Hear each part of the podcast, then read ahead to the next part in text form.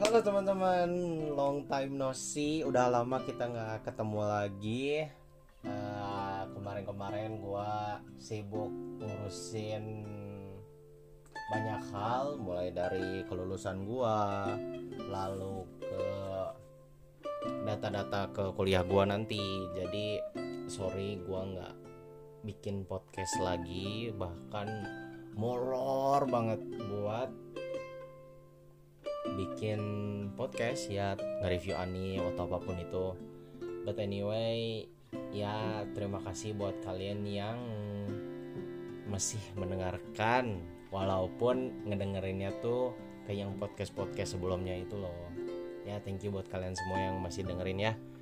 And now pas tanggal berapa ya? Minggu kemarin atau dua minggu kemarin gitu gua sama dua teman gua ini kita tuh nonton Jose Notora atau Sakanatachi.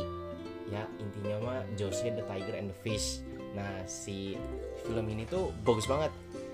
Intinya gue mau nge-review si anime movie ini tapi tanpa spoiler satu apa pun. Ya intinya mah gue nggak akan spoiler sih ke kalian cuman ini menurut gue tuh reviewnya tuh kayak gini gitu. Jadi tanpa basa-basi lagi langsung kita let's go.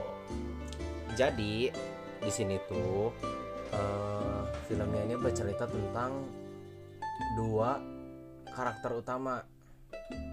Nah si yang satu namanya Suneo yang satu namanya Jose. Nama lengkapnya itu tunggu ya.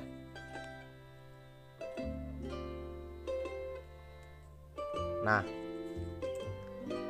Nama lengkapnya itu kalau yang cowok itu Susukawa Suneo. Nah, si cowok ini tuh eh, dia tuh masih kelas 3 SMA dan dia itu bekerja di tempat di tempat jual beli kayak alat-alat buat snorkeling, buat di pantai-pantai gitulah intinya buat snorkeling semacam itulah intinya dia bekerja di situ. Nah, sama main karakter yang cewek namanya Jose yang tadi gua kasih tahu Jose. Nah, si Jose ini dia tuh punya kelainan di mana dia tuh nggak bisa berjalan sadari kecil, makanya dia ke mana-mana pakai kursi roda itu kan. Nah, jadi singkat cerita ini ya intinya tiba-tiba mereka berdua bertemu di satu malam. Nggak disengaja dan tanpa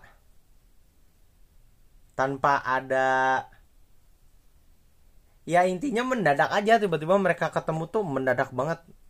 Begitu. Nah abis itu eh yang gua suka dari mereka berdua ini si Jose ini tuh sundere. Jadi ada ada satu ketika di mana ketika dia pengen sesuatu tapi dia tuh malu buat ngomong ke si Suneo ini. Dan BTW si Sunyo ini tuh ntar kerja di rumahnya si Jose. Si Sunyo ini tuh jadi istilahnya mah kayak babysitternya si Jose ini. Nah jadi mereka ke mana-mana bareng kan. Nah itulah. Nah yang gue suka dari karakter cowoknya juga si Suneo ini tuh dia tuh apa ya?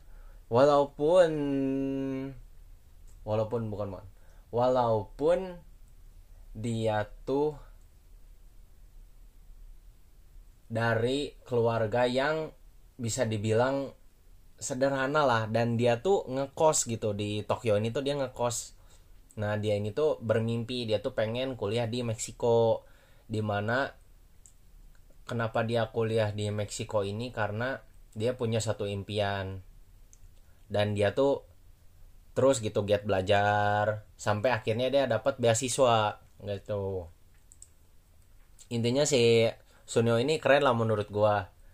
Dan dia tuh karakternya keren bisa dibilang uh, mudah bergaul sama orang terus nggak gampang canggung juga sama orang. Jadi bisa dibawa santai lah kalau ngobrol gitu.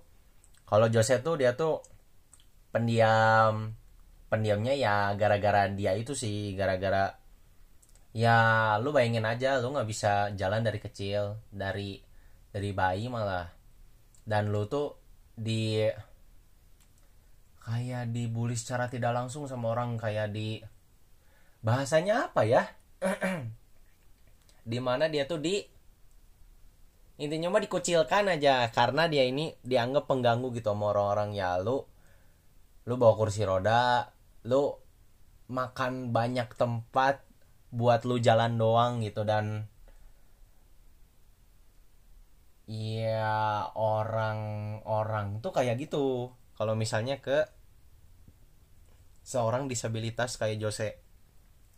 But bedanya Sunio nggak kayak gitu. Keren banget Sunio ini. Dan ada beberapa karakter lagi sih. Karakter sampingan. Ada Kishimoto Kana. Si Kishimoto Kana ini dia tuh pustakawan gitu. Nah terus ada Matsura Hayato. Seperti biasa lah ya kalau anim-anim seperti ini pasti karakter utama cowok ini punya sahabat namanya Matsura Hayato. Dan pastinya ada cewek yang satu tempat kerja sama si Sunio ini. Dia namanya Ninomiya Mai gitu. Nah jadi uh, review dari gua tuh ini film keren banget. Buat kalian yang masih masih mau nyari anim romance yang di mana bikin kalian tuh deg-degser gitu. Gue kan udah biasa kan nonton anim-anim alur kayak gini kayak ah ntar mah paling juga endingnya ceweknya mati kalau nggak cowoknya mati. Kalau nggak ntar tiba-tiba ada satu ada satu klimaks gede di mana yang mempengaruhi si ending ceritanya atau mulai jalan ke klimaksnya bikin orang-orang tuh kayak ini gimana ini gimana? Kok bisa kayak gini? Gitu. But ya ya sebenarnya gua gua hampir bisa menebak gitu sih alur ini tapi dipatahin. Kalau kalau kalian nonton kalian kaget sih ya sumpah. Aduh gua gua gua gak gua gua gimana ya? Gua nggak nggak expect sih bisa kayak gitu alurnya ya. Intinya kalian nonton aja lah. Gua nggak pengen spoiler sama kalian buat buat yang pengenalan karakter itu ya gue cuman ngenalin doang karakternya ke kalian. Dari karakternya dari sifatnya atau dari ini ini orang teh ngapain sih gitu. Nah terus uh, sayangnya si kalau buat kalian yang mau nonton di bioskop gue nggak tahu nih ini masih ada apa nggak nih di bioskop paling adanya di bioskop bioskop gede kayak kalau di Bandung BEC kayak gitu gitulah yang pas itu tuh gue nonton tuh di Pascal 23 nah gue tuh gue tuh udah takut. Soalnya itu tuh udah tayang dari 19 Mei dari bulan lalu. Dan gue baru nonton tuh tanggal 31 Mei. Yang which is gue nggak tahu itu itu teh masih tayang apa enggak gitu. Dan untungnya masih tayang gitu jadi kalau misalnya kalian tiba-tiba pengen nonton dan ah aduh nggak udah nggak ada di bioskop nih. Ya udah kalian nunggu Blu-ray-nya aja. Ya kalau kalian nggak terlalu sabar dan kalian pengen langsung nonton ya ya terserah kalian sih mau cari di mana. Gua yang sebelumnya yang Violet Evergarden ini gua akhirnya mencari gitu. Tapi si suaranya bener-bener suara rekordan dari bioskopnya ya ya sebenarnya salah sih. Tapi gue tuh pengen gitu nonton lagi soalnya gue udah nonton. Gue pengen nonton lagi. Ada ada satu scene di mana yang bikin gue hampir nangis gitu. Nah kalau di Jose ini tuh banyak banyak alur yang bikin gue kaget. Nah itu intinya. Gue nggak bisa ngomong alurnya apa. But anyway film ini tuh keren banget di mana mirip-mirip kayak Koino Katachi kalau kalian mau tahu. Kalau Koino Katachi kan disabilitasnya tuh si Nishimiya Shoko ini tuh dia bisa dibilang bisu lah ya. Bisu dan gak nggak terlalu pandai ngedenger gitu. Intinya ya tunarungu tunawicara juga gitu. Dan bedanya sih si Nishimiya ini dibully. Cuman kalau di Jose ini si cowoknya ini kayak bikin kuat si cewek ayo ayo lu bisa gapai mimpi lu ayo ayo. Nah sebenarnya si film ini tuh di rework atau di re, re ya di rework. Jadi sebenarnya udah ada filmnya 2001 atau 2003 gitu si film ini tuh. Yang aslinya ya yang orangnya ya dan dibikin ke dibikin ke animnya. Dan ya gua rasa lebih seru film animnya gitu ya ketimbang ya gue belum nonton sih live actionnya tapi ya gue udah mikir nih yang anim yang versi anim nih keren nih ya kan. Terus udah gitu pe, pembawa musiknya If ya If tuh terkenal gitu dari beberapa dari beberapa anim kalau kalian tahu Jujutsu Kaisen yang Kai Kai Kitan itu yang bawain If. Nah di movie ini tuh If bawain dua apa tiga lagu gitu ya? Nggak tau lah ya intinya mah ada dua lagu yang bikin gue suka banget nih sama movie ini. Ada lagu yang Singkai sama Aono Waltz. Aono Somaru sih dibilangnya. Ya intinya mah Aono Waltz nih si Singkai ini tuh lagunya di mana uh, eh, feelnya tuh mereka lagi prepare buat ngagapai mimpi mereka. Entah dari si Jose-nya entah dari si Sunio-nya. Dan mereka gapai mimpinya bareng-bareng saling bantu satu sama lain. Dan mulai timbul perasaan di satu sama lain. Dan satu lagi di Aono Waltz di mana.